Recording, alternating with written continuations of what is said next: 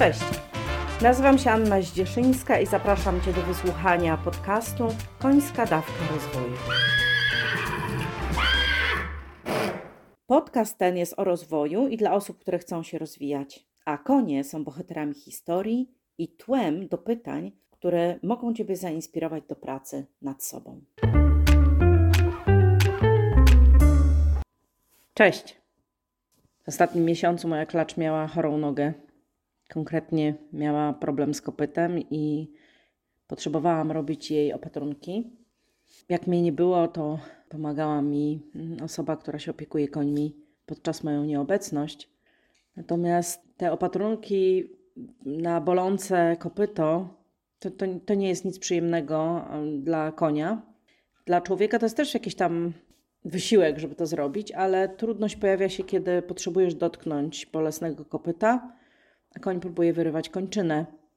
I zauważyłam, pewnie nie po raz pierwszy w życiu, ale jakoś tak wyraźnie zauważyłam, że kiedy klacz próbowała wyrywać nogę, to ja bardzo spokojnie reagowałam i mówiłam cicho.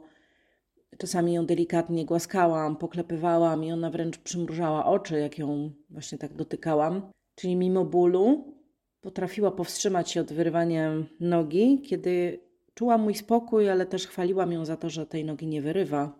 Czyli jak stała grzecznie, to ją głaskałam. Jak próbowała wyrwać nogę, no to tak bardzo spokojnie mówiłam cicho i, i ona mm, faktycznie się uspokajała. Już od długiego czasu obserwuję, że łagodnością i pochwałą uzyskuję od moich koni więcej niż krzykiem, a dawniej mi się zdarzało na nie krzyczeć. Ja też przeżyłam bardzo dużą transformację, jeśli chodzi o pracę z końmi, chociaż nadal moje zachowania w stosunku do nich nie są idealne, bo bywają też różne moje dni. Natomiast widzę, że właśnie chwalenie, łagodność, uspokajanie je, połączone z moją pewnością siebie i moim spokojem, dają cudowne efekty. Dzisiaj chcę Cię zaprosić do krótkich rozważań na temat pochwały. Ja już nagrywałam odcinek o chwaleniu. To był odcinek 24, Dziegieć w miodzie z serii udzielania informacji zwrotnej. Więc oczywiście zapraszam do odtworzenia odcinka 24 i spojrzenia pewnie trochę z innej perspektywy na pochwałę.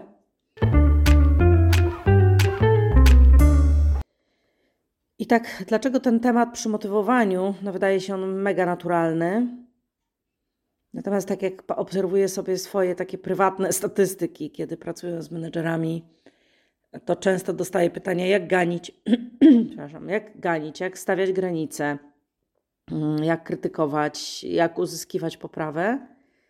Praktycznie nigdy nie dostaję pytania, jak chwalić. Tej dyskusji o chwaleniu ja inicjuję. Ja się pytam, a jak chwalisz? Na przykład postępy no bo czasami ktoś mówi, ale ja nie mam za co pochwalić. Ja tak sobie myślę, że zawsze jest za co pochwalić, bo ktoś coś robił i przestał robić na przykład. Jeszcze być może nie robi prawidłowo, ale już przestał robić źle. Albo dokłada starań w tym takim pozytywnym tego słowa znaczeniu, że przynosi to efekty, że poprawia się, więc to już wystarczy, żeby pochwalić.